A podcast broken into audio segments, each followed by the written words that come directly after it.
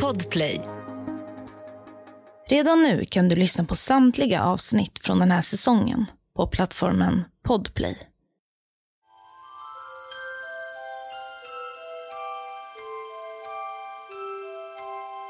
Julen är snart här och Kathleen har redan börjat pynta.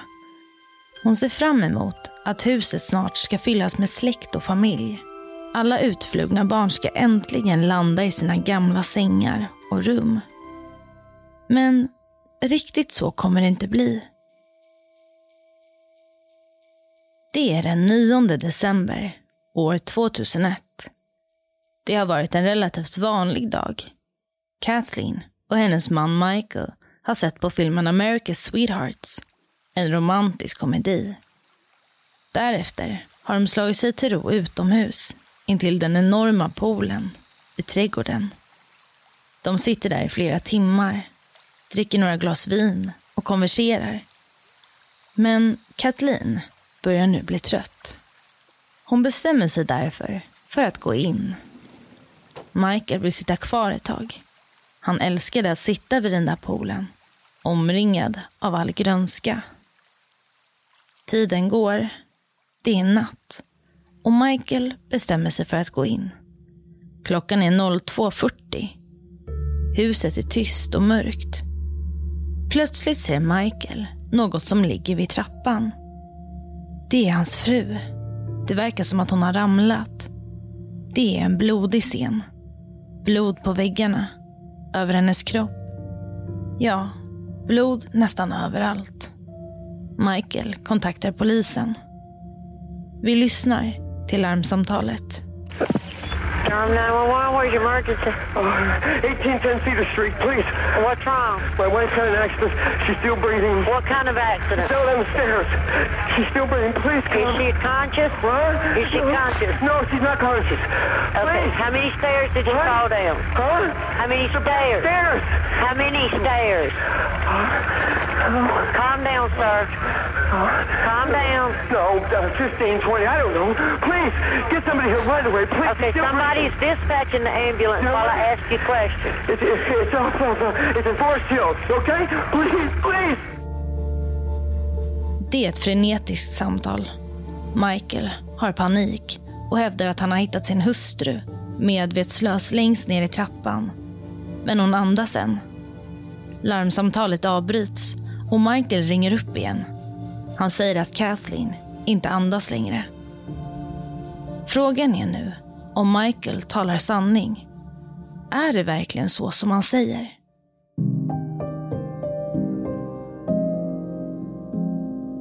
Du lyssnar på Jakten på mördaren. Med mig, Saga Springhorn. Den här säsongen är baserad på fall som ni lyssnare har önskat. Jag vill varna för grovt innehåll i dagens avsnitt. Vi spolar tillbaka tiden. Kathleen föddes den 21 februari år 1953. Hon har beskrivits vara en intelligent och social kvinna. Hon hade en magisterexamen i maskinteknik och en civilingenjörsutbildning. Hon arbetade på höga befattningar, bland annat inom läkemedelsbranschen. Hon fick ett flertal utmärkelser för sitt eminenta ledarskap. År 1977 träffar hon sin första man, Fred. De får en dotter tillsammans och livet rullar på. Men år 1985 går de skilda vägar. Kathleen tycker att det trots allt fungerar bra att vara singel och bo själv. Hon har egentligen inget behov av att träffa någon ny. Men på dotterns skola kommer hon snart träffa en mycket stilig och artig man. Michael Peterson. Och där stannar vi upp lite.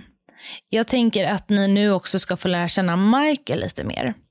Michael föddes år 1943. Han är utbildad till statsvetare och utöver det så har han också läst lite juridik. Han har arbetat med lite olika saker men bland annat som analytiker vid försvarsdepartementet. År 1965 så träffar han sin första fru, Patricia. Med tiden bestämmer han sig för att gå med i marinkåren och åker för att tjänstgöra i Vietnam. Men där skadar han sig och får därför åka hem igen. Väl hemma bestämmer sig Patricia och Michael för att flytta till Tyskland. Paret får nu två söner och med tiden träffar Patricia en kvinna vid namn Elisabeth. Hon bor också i Tyskland och de blir bästa vänner. Elisabeth har en man som heter George och George och Michael kommer mycket bra överens. det här är ett perfekt umgänge. Dessutom har Elisabeth och George två döttrar vid namn Margaret och Martha. Så man kan väl säga som så att det här är en supermatch för de här två familjerna. Alla kommer bra överens, barnen leker med varandra. Ja, det är frid och fröjd helt enkelt. Men år 1983 så dör plötsligt George av en hjärtattack under en militär tjänstgöring. Elisabeth och hennes två döttrar är såklart helt förkrossade. Michael kliver in och stöttar familjen något oerhört. Han blir nästan som en extra far för döttrarna. Och lite tid går och sen avlider Elisabeth också. Och man kan konstatera slutligen då att hon avlidit på grund av en hjärnblödning. Och vi kommer komma tillbaka lite till Elisabeths död. Men nu står alltså döttrarna Margaret och Martha helt ensamma. Vi går vidare i den här historien. Michael bestämmer sig för att bli Margarets och Marthas vårdnadshavare. De har ingen annan och Michael är den som står dem närmst. Han är en fin extrafar. Han är mycket omhändertagande och kärleksfull. Slutligen adopterar han döttrarna. År 1986 skiljer sig Patricia och Michael. Michael bestämmer sig då för att flytta hem till USA igen. Med sig tar han Martha och Margaret. Michaels söner bor till en början kvar i Tyskland tillsammans med Patricia. Livet rullar på. Martha och Margaret får börja i en ny skola och Michael arbetar nu som krönikör och författare. Utöver det är han en aktiv lokalpolitiker. En dag, år 1986, träffar Michael Kathleen. Det är Kathleens dotter och Michaels adopterade döttrar som har blivit vänner. De introduceras för varandra och börjar dejta. Det går snabbt. Förälskelsen är omedelbar och passionerad. Michael och Kathleen börjar fundera. Kanske ska de flytta ihop. Döttrarna är ju vänner och Michael och Kathleen är helt uppslukade av varandra. De frågar döttrarna om de tycker att det är en bra idé. Och det tycker de. År 1989 flyttar de ihop. Paret bor flott. De har en gård på 9000 kvadratmeter. De har köpt ett stort vitt hus, eller snarare en mansion.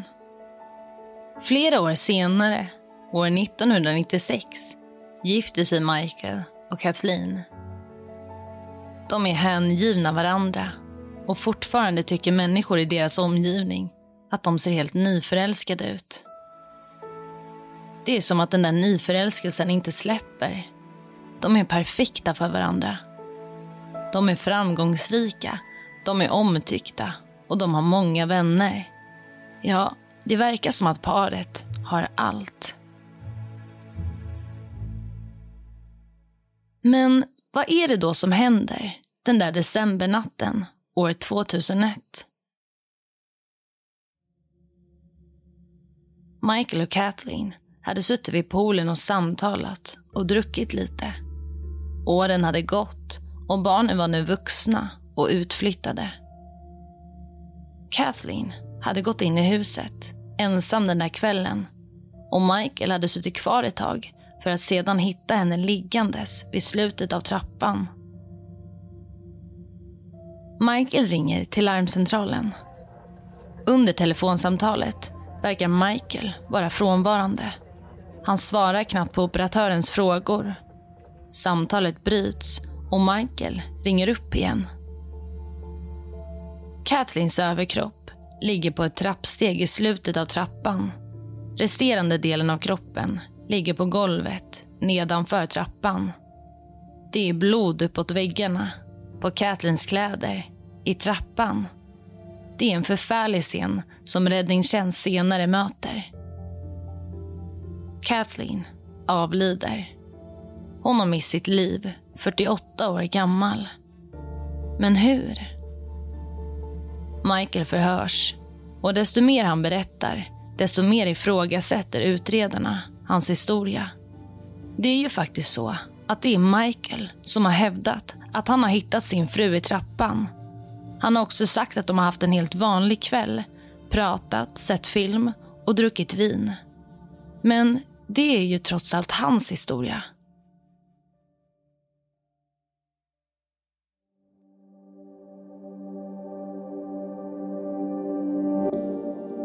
Den 20 december, några dagar efter Kathleens död, åtalas Michael för mordet. Grannar, vänner och familj kan inte tro det som händer. Michael, en fantastisk man, trevlig, talför. Ja, han hade väl inte kunnat döda sin fru. Och här stannar vi återigen upp i historien lite. Ja, Michael åtalas nu och sitter häktad. Han betalar dock en borg på 850 000 dollar och får på så vis komma hem till sin familj. Barnen kan inte tro det som händer. Man litar till en början på Michaels ord inom familjen men det finns några tvivel. Ja, det kommer vi komma in på lite senare. Mm, Michael får nu vara i hemmet. Och Det här huset där hela händelsen utspelar sig ligger i delstaten North Carolina. Och Michael får inte lämna delstaten. Michael tvingas lämna in sin bil och pass och är liksom ganska tvingad att stanna i sitt hem. Michael bestämmer sig för att prata med media. Han berättar att han älskade sin fru, att han aldrig skulle kunna ta hennes liv. Han menar att han är helt oskyldig till det här som har hänt. Och såklart så spekuleras det mycket bland grannar, i media, alltså människor världen över får ta del av det här fallet. Men som jag tidigare sagt så, det här paret är väldigt, fram, de är väldigt framgångsrika. De lever flott och de är älskade av liksom sina grannar, av vänner och de verkar älska varandra djupt. Så det var liksom svårt för många att ens tro att han kunde vara skyldig till det här. Och dessutom var han en väldigt duktig talare. Så många står faktiskt på Michaels sida i det här fallet. Till en början i alla fall. Michaels försvarare blir David Rudolph. På försvarets sida vill man hävda att Kathleen har druckit alkohol den aktuella kvällen. Hon har också tagit tabletter och på så vis missbedömt trappan och stegen och ramlat. Försvaret menar att hon föll när hon gick upp för trappan. Och just den här trappan då som är det centrala i det här fallet. Det är en väldigt smal trappa och den trappan användes inte så mycket i huset utan det fanns en mer liksom primär trappa. Så den här var lite som när man går ner i en källare som man ser i så här skräckfilmer. Så lite ser den ut. Den är smal och ganska brant och lite instängd. Ja, försvaret menar då att hon kliver lite snett och ramlar. Och Sen ramlar hon igen när hon försöker resa sig upp och så ytterligare en gång. Det är ju viktigt det här med att kunna förklara mängden blod för det är verkligen enorma mängder blod. Och det måste man ju liksom försöka härleda till något. Man tänker sig att hon har slagit i huvudet flera gånger och att blodet har sprutat. Och Man tänker sig också att hon har hostat blod samtidigt som det här har utspelat sig. Så det ska alltså förklara blodstänket på väggarna, i trappan och på Kathlins kropp. Kathleen hade som skärsår i huvudet och det är något som åklagarsidan kommer att problematisera i kontrast till försvarets yttrande. Ja, vi går vidare.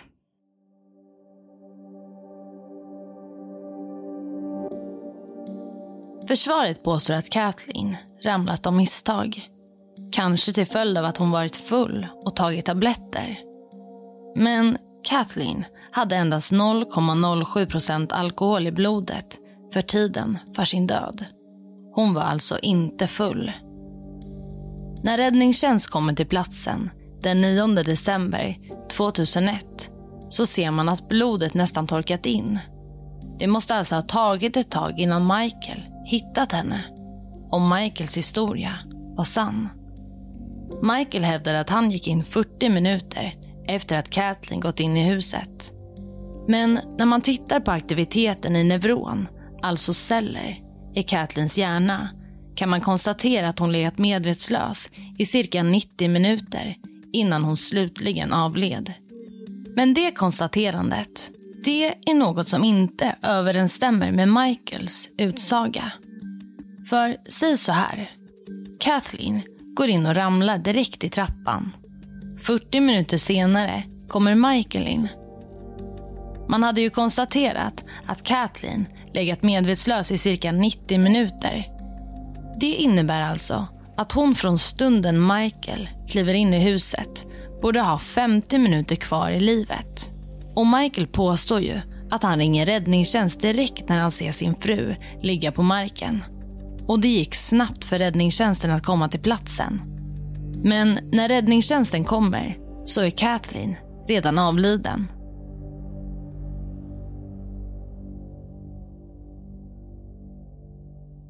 Åklagarsidan har ett mordvapen i åtanke.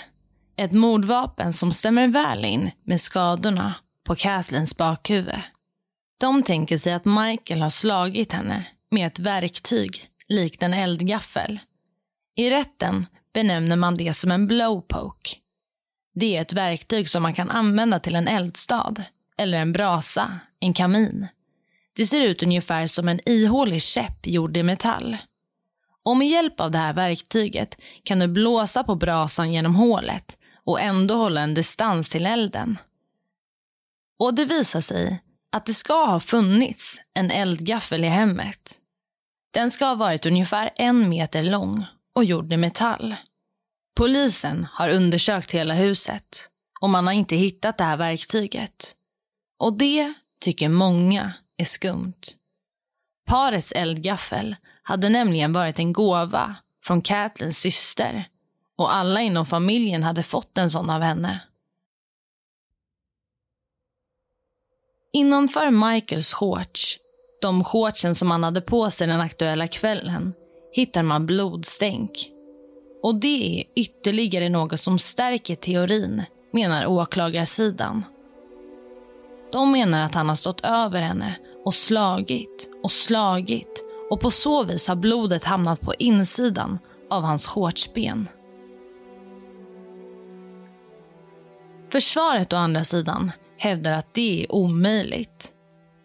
Kathleen hade inga skallfrakturer. Visserligen hade hon sår och skador i huvudet men det menade försvaret var ett resultat av fallen i trappan. Motiv då? Varför skulle Michael ha dödat sin fru? Utredare finner mängder med bilder i Michaels dator. Sexuella bilder på män. Det är en chock för Michaels familj, hans barn. Michael berättar öppet att han är bisexuell och han menar bestämt att Kathleen visste om det. Det hade inte varit några problem. Man hittar också ett vittne som kliver fram i rätten. En manlig eskort som Michael chattat med under en längre tid. De hade planerat att träffas. Åklagarsidan lyfter fram sin teori. Kathleen går in från poolen. Hon sätter sig vid Michaels dator och hittar bilderna på alla män. De sexuella bilderna. Män med stånd, män som rör vid varandra. Åklagaren menar vidare att hon inte känt till det här. Hon blir arg och upprörd. Och det är början på slutet. Michael slår ihjäl henne. Det visar sig också att Michael och Kathleen har skulder på cirka 140 000 dollar. De hade ekonomiska svårigheter. Kanske var den ekonomiska stressen något som ledde till Kathleens död. Hon hade nämligen en enorm livförsäkring på 1,4 miljoner dollar. Kunde det ha varit motivet? Okej, vi stannar upp här för nu är det mycket som händer. Försvaret och åklagarsidan har alltså helt olika teorier om vad som har hänt. Och det är ju såklart inte helt ovanligt. Men snart släpps en bomb, något som verkligen rör runt i grytan. Minns ni Elisabeth som avled till följd av en hjärnblödning? Michael är ju den som sen adopterar hennes döttrar och när hon mister sitt liv så bor Michael tillsammans med Patricia i Tyskland. De skiljer sig sen och Michael flyttar med barnen till USA. Mm, då kanske jag har refreshat ert minne lite. Men hur som helst. Elisabeth hade en syster och när den här systern nu flera, flera år senare får höra om Katens död så kan hon inte låta bli.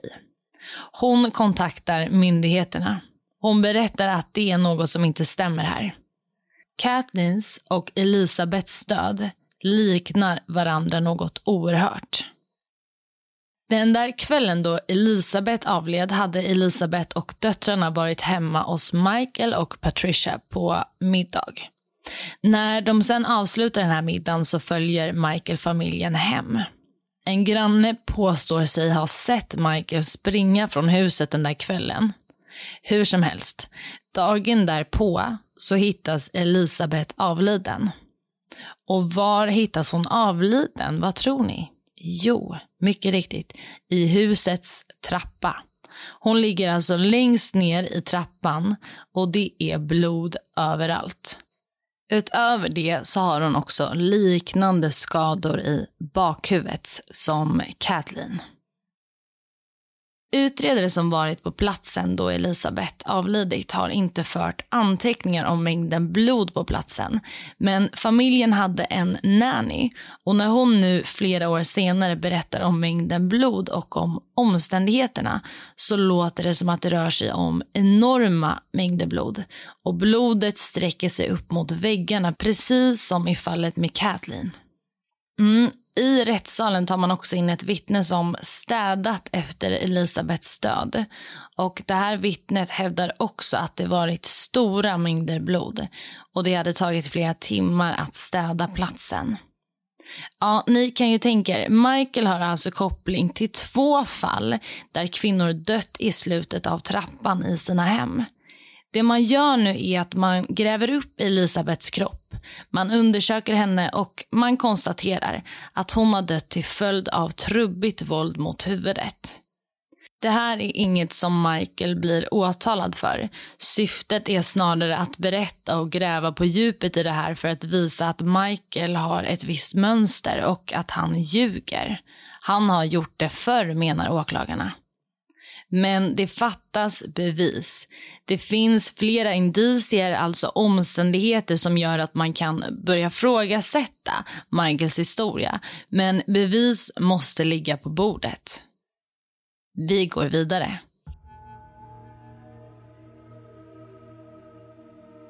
Ni kanske minns den där eldgaffeln, blowpoken, som man använde till kaminer och brasor. Plötsligt så hittas den. I garaget. I huset. Polisen som genomsökt huset ett flertal gånger, borde de inte ha sett den? Eldgaffeln har spindelväv på sig.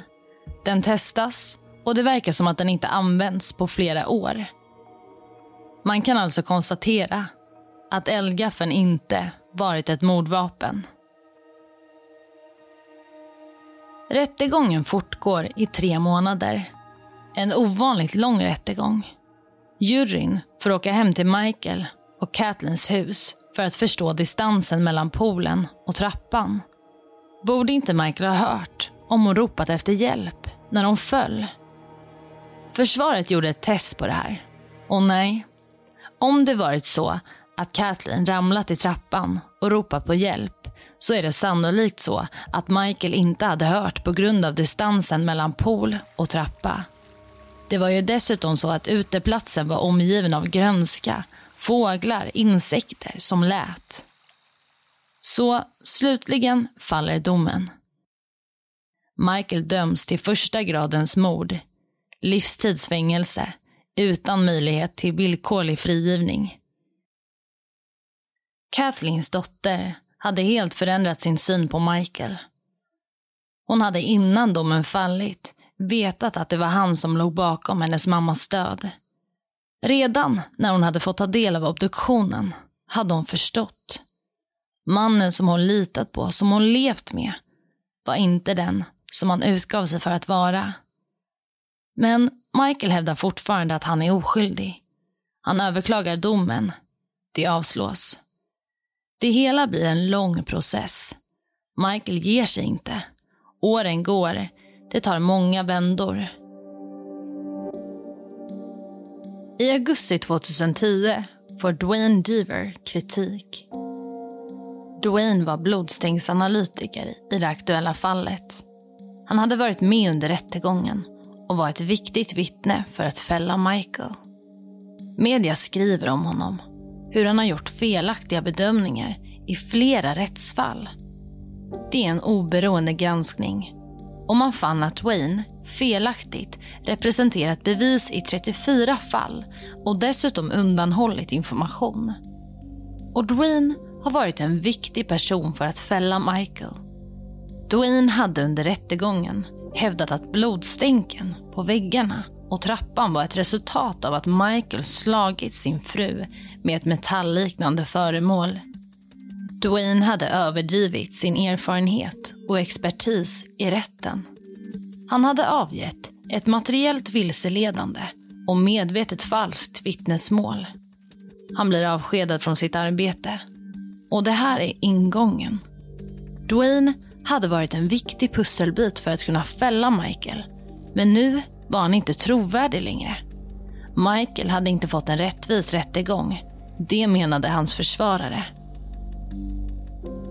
Den 16 december 2011 släpps Michael från fängelset efter att ha betalat borgen på 300 000 dollar. Han sätts i husarrest och beviljas en ny rättegång.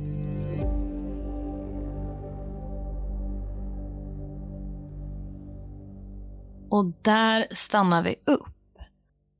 Åren går och 2017 så väljer Michael att gå med på en Alford plea. Och vad är då det för något? Jo, det är en typ av överenskommelse där Michael i det här fallet erkänner sig skyldig till brottet men samtidigt vidhåller sin oskuld. Mm, väldigt komplicerat och väldigt ovanligt faktiskt. Man kan säga att den åtalade, Michael, erkänner att han är skyldig ur ett juridiskt perspektiv men han hävdar fortfarande att han är oskyldig. Det finns alltså tillräckligt mycket med bevis för att sätta dit honom och han har som jag tolkat det inte tillräckligt med motbevis för att han inte har gjort det han står åtalad inför. Och genom att ta den här Alford plea så kan man få ett eh, minimerat straff. Och så blir det också i det här fallet. Michael döms till 86 månaders fängelse och han har ju redan suttit inne i cirka 99 månader vilket innebär att han blir en fri man den 24 februari 2017. Under alla de här åren så blir Michael filmad av ett dokumentärsteam. Redan några veckor efter att Michaels fru avlider så får han frågan om det här teamet får börja göra en dokumentär om honom och det här fallet. Och det får de. De får följa med in i Michaels värld. Och den här dokumentären finns på Netflix och den heter The Staircase. Och där får man alltså följa med genom hela fallet, alltså rättsprocessen, resan innan, man får träffa familjen. Och jag har inte sett eh, hela dokumentären. Den är väldigt, väldigt lång, men jag kan rekommendera om man bara vill kika och se lite hur Michael beter sig och så vidare. Sen finns det en dramaserie som heter The Staircase, samma namn på HBO och den tycker jag är väldigt intressant. Så den kan jag verkligen, verkligen rekommendera. Jag har inte sett alla avsnitt för alla har inte kommit ut nu när jag sitter och spelar in det här, men Det kommer vara ute när den här säsongen publiceras. Men om vi återgår liksom till fallet och sådär, så när Michael sitter inne och avtjänar sitt straff så har han kontakt med den kvinnliga redaktören för den här dokumentärserien som de spelar in. Och när han kommer ut ur fängelset så flyttar de ihop och blir ett par. Så många ifrågasätter den här dokumentärens trovärdighet. Liksom hur mycket makt har Michael haft i klippning, inspelning och så vidare. Och Det finns så otroligt mycket att säga om det här fallet. Det har bland annat diskuterats om varför Michael inte säger något om blodet när han ringer till larmcentralen. Det är ju enorma mängder blod. Och eh, Många funderar på så här, men det säger man väl att så här, det är blod överallt, men han säger ingenting om det. Um, hela det här med eldgaffeln, den som man hittar i garaget. Det frågar man sig också, att hur kunde inte polisen ha hittat den förut? Har någon lagt dit den i efterhand? Det är liksom lite skumt kring den där eldgaffeln. Och det finns också teorier om att, om att Michael faktiskt inte dödat sin fru utan att hon har blivit attackerad av en uggla. Ja, hon hade nämligen en näve Ehm, i handen med sitt eget hår. Och när man analyserade det här håret så hittade man små, små ugglefjädrar. Mm, och när man några år senare granskar det här på nytt så hittar man ännu fler ugglefjädrar. Ehm, men den här teorin avfärdas och jag har aldrig hört att någon har blivit mördad av en uggla. Men det är en teori som har ändå varit i, eh, som folk har pratat om liksom. Man tror att motivet för mordet har varit pengar. Men det är fortfarande många frågetecken kring fallet. Det finns inga tydliga svar, men indicier och bevis talar sin egna historia. Michael är skyldig. Michael har i efterhand sålt huset. Han bor idag i en bostad utan trappa. Något som var viktigt för honom, att han ville inte ha en trappa i sitt hem. Han har återupptagit författandet av krigsromaner. Han har också skrivit två böcker om, om det här fallet, om rättegången, om den fällande domen och tiden i fängelset. Och Den heter Behind the Staircase and Beyond the Staircase. Ja, det var allt för dagens avsnitt. Vill du komma i kontakt med mig så kan du skriva till mig på Instagram där jag heter Saga Springkorn eller mejla till jaktenpamordaren Tack för att du har lyssnat. Podplay, en del av